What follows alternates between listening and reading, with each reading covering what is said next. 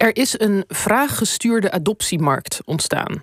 En een adoptiepraktijk die werkt als een witwasoperatie. Dat staat in een vernietigend rapport over internationale adoptie dat afgelopen maandag verscheen.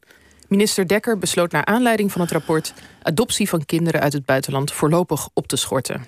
En hoe het zover heeft kunnen komen, bespreken we met journaliste en historica Anouk Eigenraam, die de geschiedenis van de adoptie beschreef in het boek Welkom in Adoptieland. En we hebben haar uit, aan de lijn vanuit Peking, waar zij tegenwoordig correspondent is. Anouk, goedemorgen. Dan moet je even goedemorgen terug zeggen, Anouk. Dan weet ik dat je er bent. Fijn, goedemorgen, Anouk. Uh, wat vind je van het rapport? Verrast? Uh, ik was wel verrast inderdaad. Uh, vooral uh, de conclusies die de commissie eraan verbond. er zijn heel veel eerder commissies geweest die onderzoek naar dit onderwerp deden. Maar die ja, knoopten daar eigenlijk niet zulke vergaande conclusies aan. Onder andere het opschorten van internationale adoptie. En ehm, het niet verjaren van rechtszaken die nu de, tegen de Nederlandse staat kunnen worden aangespannen. Oké, dus, dus, uh, dus dat was zeker uh, bijzonder. Dat was een, een, aangename verrassing als ik jou zo hoor. En begrijp ik dan goed dat de minister die dus gezegd heeft... van we gaan voorlopig stoppen met internationale adoptie... eigenlijk het advies van het rapport heeft opgevolgd wat dat betreft? Ja, en is dat een goed idee, inderdaad? dus ja, dat zeg je al. Ja. Ja, hij heeft in principe alles, alles opgevolgd. En uh, de, de uiteindelijke beslissing om het definitief top, stop te zetten van adoptie... dat laat hij over aan het uh, ja, nieuwe kabinet. Omdat hij nu natuurlijk demissionair minister is. Dus, uh, dus dat is dan natuurlijk nog afwachten. wat het volgende kabinet gaat over besluiten. Maar dit is in ieder geval wel een heel duidelijk een belangrijk signaal, denk ik. Ja, en heb je een verklaring voor? Want er zijn al eerder rapporten geweest... die altijd wel dit soort conclusies hadden... maar nooit zulke strenge aanbevelingen. Heb jij, heb jij een verklaring hoe dat nu kan? Uh, ik denk dat het te maken heeft met uh, voor een deel met de tijdgeest. Uh, er is veel meer kritiek ook. de geadopteerden hebben zich de afgelopen jaren ook nog nadrukkelijker, denk ik, um, ja, be begeven in het, in het politieke en publieke debat. Ze zijn ook allemaal ja, zo rond de 30 en 40, dus zijn heel zelfbewust. En um, dat heeft denk ik wel meegespeeld. Er zijn een aantal hele belangrijke rechtszaken begonnen en gevoerd. En die hebben natuurlijk veel aandacht gehad. En ik denk dat uh, de, de, kijk, een van de aanleidingen voor dit rapport was bijvoorbeeld de zaak van Patrick Noordhoven. Uh, dat is een geadopteerde uit uh, Brazilië. En die heeft dus nieuwe documenten boven water weten te krijgen met een WOP-procedure. Waaruit echt onmiskenbaar de betrokkenheid van de Nederlandse overheid ook is gebleken bij misstanden. Ja, daar, daar komt daar kon natuurlijk uh, minister Dekker ook niet lang omheen. Dus het was voor hem aanleiding om deze commissie in te stellen. Ik, ik, vraag me dan ook af, denk je dat het ook meespeelt... de politieke tijdgeest waar we nu in leven... zaken als de toetslagenaffaire... Dat, dat politici misschien ook ietsje meer denken... we moeten hier echt iets mee doen... want anders dan wordt het alleen maar erger en erger... en het, het, het drama nog groter. Ja, dat, dat was al wel een tijdje aan de gang, denk ik. Ik denk wat ook meespeelt is dat de adopties ook afgenomen zijn. Dus er hmm. zijn niet zulke grote aantallen meer geadopteerde kinderen... die naar Nederland komen de afgelopen jaren. Dat betekent ook dat, dat de lobby vanuit bijvoorbeeld de adoptieouders... en vanuit de bemiddelaars minder groot is geweest. En die was daarvoor denk ik heel sterk. Um, dus ja, het is denk ik een samenspel van, van factoren. Kijk, de media hebben ook uh, uh, steeds erover bericht. En op een gegeven moment zijn er natuurlijk zoveel um, um, bewijzen naar voren gekomen. Uh, het wordt natuurlijk wel steeds, steeds moeilijker, denk ik, om je als overheid... om dat dan nog, toch nog te negeren. En, dan en het was ook, denk ik, deze commissie... Oh, sorry, deze commissie had ook voor het eerst echt, echt een buitenstaander erin. Hè? Bijvoorbeeld iemand als Beatrice de Graaf...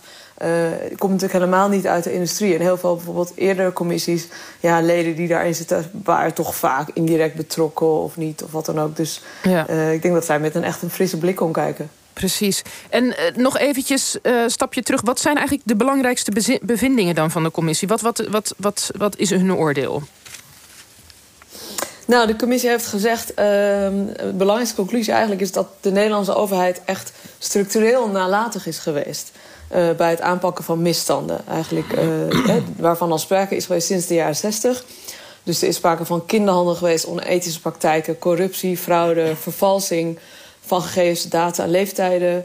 Um, en dat was de Nederlandse overheid ook bekend op een gegeven moment. Al, al zeker in de jaren 70 en 80 kregen ze signalen. Uh, op een gegeven moment is dat bewezen. Er zijn politieonderzoeken geweest, onder andere in die uh, Brazilian Baby Affair.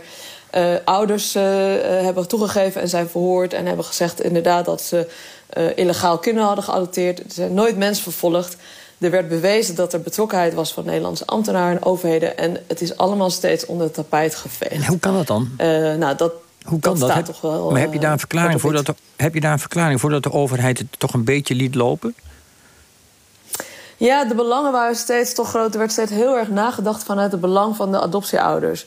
Um, van namelijk, uh, die kinderen zijn nu daar, we moeten dit toch door laten gaan, want dit is, dit is, een, goed, uh, dit is een goed iets. Hè? Dit is, uh, we helpen kinderen hiermee. Dus, ja, um, dus de, de, de positieve kanten eraan, dit zijn allemaal incidenten. De positieve kanten eraan zijn, zijn, zijn beter.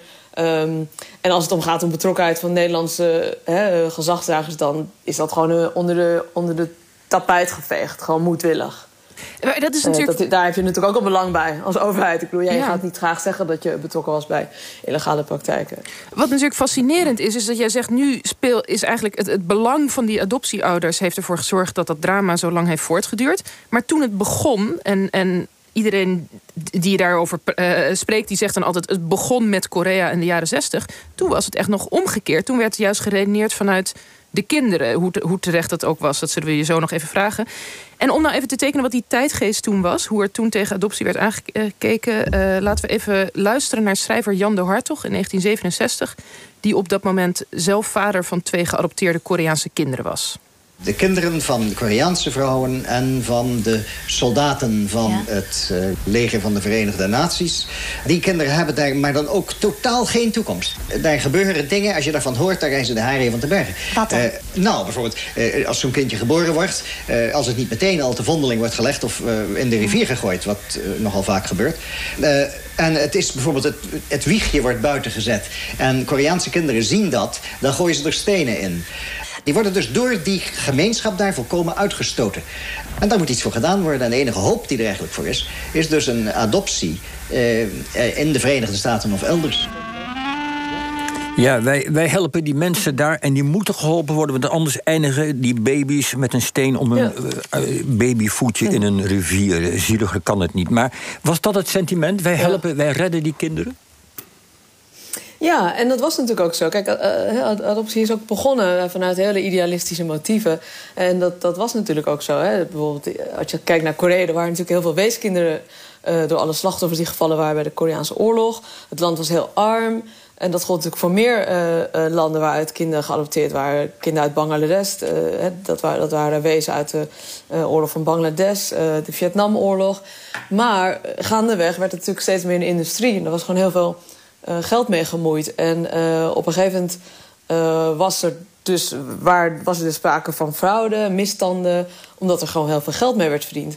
Um, en dat wil ik nog even duidelijk maken. Dat kijk, de meeste adoptieouders dus wisten hier natuurlijk verder niks van ook. Als er, als er hè, adoptiedossiers niet klopten of wat dan ook. Maar dat zegt de commissie ook. De bemiddelaars wisten het vaak wel en waren soms rechtstreeks mee betrokken. Ja, want je, um, voor... hadden er gewoon belangen bij. Ja, want even voor de duidelijkheid, jij bent zelf ook een, een, een geadopteerd kind hè, uit Korea naar Nederland terechtgekomen. Was dat inderdaad ook de motivatie ja. van jouw ouders? Zijn dat ook typisch voorbeelden van mensen die het goed willen en niet van geen kwaad weten? Ja, mijn ouders uh, wilden het ook doen om kinderen te helpen. Zeiden van, nou, zijn er zoveel kinderen op de wereld? Laten we eerst kinderen adopteren voordat we zelf kinderen nemen. Um, en uh, uit Korea, dat was in de jaren zeventig... toen was het eigenlijk al niet meer echt een heel arm land. Maar um, wat je toen bijvoorbeeld zag... was dat kinderen vaak afgestaan werden om culturele redenen. Wat je in Nederland ook had in de jaren 50. Kinderen die niet werden geaccepteerd in een nieuw huwelijk... Um, alleenstaande moeders die dan niet rond konden komen... of die uh, schaamtevol werden geacht. Dus dan werden die kinderen afgestaan. Dat is natuurlijk meer landen. Um, maar ja, dat zijn eigenlijk allemaal niet echt redenen... om, om kinderen te moeten adopteren per se. Want het betekent dus dat ze geen wees zijn. Uh, later is dat ook, zijn er ook allerlei kinderrechtenverdragen aangenomen daarvoor, daarvoor. Of het VN-kinderrechtenverdrag zegt ook dat adoptie een laatste redmiddel moest zijn. Hè? Als er echt helemaal geen extended family meer was of wat dan ook... Uh, in de praktijk is dat nooit zo gewerkt, is dat nooit, heeft dat nooit op die manier gewerkt. Er werd nooit gekeken bijvoorbeeld of er eerst opvang was in het land, of werd minimaal gekeken. Het, ging er gewoon om, er kon geld verdienen worden vaak. Ouders hier konden geen kinderen krijgen of wat dan ook en wilden graag een kind. En dan werd er gezegd, het is een win-win situatie. Um, oh ja, ja, het blijkt dus niet altijd zo te zijn geweest. En je zegt dus van, nou ja, er, was heel veel geld mee gemoeid en er, er, er, werd ook aan verdiend. Om wie gaat het dan precies en, en hoeveel werd er aan verdiend? Ehm, nou, die bedragen verschillen. Uh, in, in de Verenigde Staten bijvoorbeeld uh, wordt, er meer, uh, wordt er meer geld voor neergelegd. de, dan kan je soms denken aan 30.000 euro of een ton. Ik denk in Nederland ging het, gaat het vaak om bedragen tussen de 10 en, en 20.000 euro. Dat, dat verschilt natuurlijk ook in de jaren. Um, en, en een groot deel van, daarvan gaat naar de bemiddelaar in feite. Dus natuurlijk een deel advocaten moeten worden betaald en notarissen en weet ik wat. Uh, maar er zijn uh, een heleboel voorbeelden ook van... dat staat ook in het rapport weer, ook dingen die ik niet eens wist... Uh, van mensen die zich verrijkt hebben. Bijvoorbeeld de, de, een consul in Jordanië van Sri Lanka... die gewoon niet bevoegd was om dit te regelen... maar die ook kinderen regelde. En die kreeg dan 12.000 dollar in, een envelopje. En, en is, gaat het dan ook zover dat, dat bijvoorbeeld arme ouders... Voor, voor een paar rotcenten ook worden gestimuleerd om hun kind af te staan? Ja, dat gebeurde ook. Uh, ouders zijn heel, er zijn heel veel onderzoeken geweest die hebben bewezen dat ouders. De, de, kijk, er zijn in sommige landen is er sprake van babyfarming. Er zijn dus moeders die kinderen baren, gewoon alleen maar puur om ze te kunnen afstaan. Uh, ja, een soort van productie eigenlijk. Um, er zijn ouders die onder druk werden gezet om een kind af te staan. Er werd tegen ze gelogen dat hun kind al overleden was, bijvoorbeeld. Um, ouders werden gezegd: Oh, je bent in het ziekenhuis bevallen. Dat, dat gebeurde ook veel, in Korea. Um, als je de rekening niet betaalt, eh, dan uh, spannen we rechtszaak aan. Dus of je staat nu je kind af, dat kan ook. Um, ja, mensen werden op allerlei manieren onder druk gezet. Ook, ook, ook werd er gezegd: van, Oh, maar je, kan, je kind kan nu naar het Rijke Westen studeren. En dan komt het bijvoorbeeld weer terug. En um, um, nou ja, dan, dan, dan, dan, dan dachten ouders dat zo'n kind misschien weer terugkwam op een gegeven moment. En die tekenden dan afstand. Ja, als je het hebt over ongeletterden in sommige landen. Uh, die hebben dan totaal geen idee dat ze daarmee echt afstand doen. Weet je wel? Die zetten een kruisje ergens. En nou ja, maar dan, ja, dan, dan is het natuurlijk wel het kwaad geschied. En die zijn dan nooit echt goed uh, voorgelicht over wat het nou echt betekent. Ja, nou is er in Nederland ook een vrij grote groep mensen hè, die, die zegt van internationale adoptie er wordt veel op afgegeven. Er gaat ook wel eens wat mis, erkent men dan. Maar zegt men in de meeste gevallen, gevallen gaat het correct. En bovendien zijn veel adoptiekinderen uiteindelijk toch heel gelukkig geworden hier met een goede opleiding en dergelijke. Wat vind je van dat argument? Zit daar niet ook wat in? Ja, ik kan twee dingen over zeggen. Het ene is. Um het klopt, een meerderheid hè, tot nu toe van de adopties zeggen ze. De CBS heeft voor, dit, voor die commissie ook een onderzoek gedaan, een enquête, onder bijna 4000 geadopteerden. Daaruit blijkt dat de meesten uh, een fijn, prima leven leiden. Uh, daar staat tegenover overigens dat er ook allerlei statistieken zijn internationaal van geadopteerden die uh, procentueel wel veel vaker altijd kampen met alcohol, drugsverslaving, eetproblemen en psychische stoornissen, depressief zijn. Maar goed, dat laat onverlet, denk ik, dat um, als je illegaal geadopteerd bent... ik vind niet dat dat... Um, ja, hoe zeg je dat? dat wat, wat, wat ben ik dan? Hè? Of, of, of wat zijn kinderen die, dan, die, die dus een illegale adoptie hebben? Ben je dan collateral damage? Dus omdat de meerderheid van de mensen of geadopteerde adopties goed gaan... moeten we dus maar eroverheen kijken... Hadden we dus niks aan dit systeem hoeven veranderen? Of hadden we iets moeten doen? Omdat dus de meerderheid goed gaat. Ik denk dan, ja, dan kan je ook stoppen met um, het bestrijden van uh, drugs of zoiets dergelijks. Want ja, er zijn ook heel veel mensen die hier heel gelukkig van worden. Dus laten we dan even voorbij gaan aan alle doden die daarbij vallen. Snap je? Ik vind dat geen argument. Ik vind dat echt een heel, heel erg raar argument. Maar jij zegt, als, als je nu even die vergelijking met drugshandel of iets dergelijks... dan ga je er eigenlijk bijna van uit dat adoptie op zich een, een, een criminele praktijk is. Of, of dat het eigenlijk sowieso. Dat, ja, er zit een weeffout in. Je kan daar niet. Nee, of, of er zit een weeffout in. Ja, ik denk. Nou ja, ik vind in ieder geval dat um, de nalatigheid, het feit dus dat, er, dat het systeem dus niet goed functioneert, dat er zoveel um, hè, gevallen zijn waarbij er dus sprake is van um, kinderhandel, kidnapping, ja. fraude, vervalsing, weet ik wat. Ja, dat vind ik geen, geen argument om dan vervolgens decennia niks hier aan te hebben gedaan. En dit niet te hebben um, opgepakt, uh, systeem te hebben veranderd... hier verantwoordelijkheid te nemen als overheid hier iets aan te doen. Om dan met de, te zeggen van... ja, maar ja, de meerderheid van de adopties of geadopteerden zijn gelukkig... of de meerderheid van de ja. ouders zijn gelukkig... of de meerderheid van de adopties goed gaan.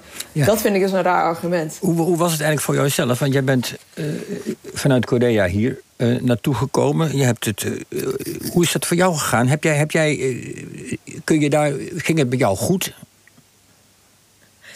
Um, nou ja, kijk, je kan daar dus op twee manieren naar kijken. Dat, dat is heel veel met, met, met, dit, met dit soort dingen van die geadopteerden. Van je kan zeggen, ik ben heel goed terechtgekomen. Uh, ik ben correspondent nu in Peking. Ik heb een geweldige baan. Uh, ik heb uh, een heel interessant leven. Ik kwam wel in een heel, heel moeilijk gezin terecht, Waar ik misschien niet in terecht had moeten komen achteraf. Of wat misschien niet bestand was geweest tegen de complexiteit van de adoptie. Omdat ze twee kinderen hadden die al heel ingewikkeld waren. Um, ja, weet je wel. En er zijn natuurlijk een heleboel kinderen um, die ontzettend depressief zijn geworden door een adoptie. Of omdat ze hun ouders niet konden vinden. Uh, of omdat dus bleek dat het later illegaal was. Is, is dat ook een. een, een... dus dat, dat, dat, neemt niet weg dus dat je, ongelukkig, dat je later gelukkig kan zijn. Hè? Maar het neemt niet weg dus dat je ook heel ongelukkig kan zijn over wat er is gebeurd of hoe het is gegaan. Anouk, is, is dat een punt waar het rapport... Eh, is dat iets waar het rapport ook uh, zicht op heeft? Of, of kijk of iets over zegt? Dat het, dat het ook cultureel een probleem is... dat je om een hele andere, in een hele andere wereld terechtkomt... of heeft het, houdt het rapport zich daar niet mee bezig? Ja, ik vond dat het rapport dat wel heel mooi zei. De commissie zegt iets van... Uh, er wordt steeds gezegd van het is in het belang van het kind, je adoptie... maar dat wordt met een hele westerse blik ingevuld. Van je hebt hier betere opleidingskansen. Allemaal heel economisch uh, uh, geformuleerd of gedefinieerd. Het zegt helemaal niks over hoe wat de gevolgen ervan zijn voor op de lange termijn. Het feit dat je als, bijvoorbeeld ik als Aziat naar een overwegend witte samenleving kwam... in een, uh, uh, nog een klein uh, dorp, met alle gevolgen van dien... waarbij je gediscrimineerd werd of wat dan ook... en waarbij je ouders ja. helemaal niet daartoe begeleid werden daarin, hoe dat dan is... Um, er wordt voorbij gaan aan de autonomie van een kind. Er wordt een beetje gezegd alsof een kind een lege huls is. En dan kan je mee schuiven wat je wil... zonder daarbij na te gaan wat de impact is op de lange termijn en wat je allemaal moet doorstaan in je leven volgens als gevolg van dit besluit. Ja. Um, nog even tot slot dan, want jij zegt eigenlijk iemand van, van uit een heel ander land, een heel andere cultuur. Uh, ergens anders heen halen. Dat, dat is al zo'n enorm ingewikkeld iets voor zo'n kind om te overkomen. Dan wil ik toch eigenlijk nog even aan jou als tenslotte de gewetensvraag stellen. Denk jij dat er zoiets kan bestaan als een correcte internationale adoptiepraktijk? Um, ja, ik vind dat, een, dat is een hele ingewikkelde vraag. De commissie blijft daar ook een beetje vandaan. Zegt zelf ook dat, het echt heel, dat ze dat heel moeilijk vinden. Uh, dat ze zeggen van, in ieder geval zo zoals het nu is, niet. Um, en um, weet je, dat, kijk, ik zeg niet dat het onmogelijk is. Hè. En zoals, zoals we zeggen, van, er zijn ook uh, adopties die heel goed zijn gegaan. Maar in ieder geval, wat bijvoorbeeld ook al zou kunnen schelen... Um, is het feit als er eindelijk eens openheid ook overkomt. Zodat je niet al die ingewikkelde hè, routesreizen hoeft te doen... Uh, op zoek moet gaan naar je achtergrond en moet uitvinden... dan dat de ouders al overleden zijn of dood... of dat je gesmokkeld bent of wat dan ook. Dat, dat draagt natuurlijk allemaal niet echt bij aan je psychisch welbevinden... als je erachter moet komen over wat de oorsprong van je leven was. Um, hè, dus dat, dat maakt natuurlijk heel veel uit. Maar um, ja, ik, ik, ik ben zeer benieuwd wat... Uh, wat het volgende kabinet uh, gaat besluiten. En um, wat ze, nou ja, of, of er nu ook allerlei rechtszaken gaan komen. Ik kan me voorstellen dat er misschien uh, uh, best wel meer geadopteerden nu rechtszaken gaan, gaan ja. aanspannen. Dus het is, um, ja, het is wel een interessante periode wat dat betreft die nu ja. gaat aanbreken. Ja. ja. En nog een grote vraag om over na te denken. Dus van wat we, of er wel zoiets ja, of er een, een, een nieuw beleid te bedenken is dat, uh, dat het wel doorgang zou kunnen laten gaan, die internationale adoptie. Ja. Um, en Anouk, ik wil je, ik wil je bedanken voor je toelichting, Anouk Eigenraam. En het boek uh, wat jij schreef over adoptie heet Welkom in Adoptieland uh, en is uitgegeven bij de Arbeiderspers en bij de boekwinkel verkrijgbaar.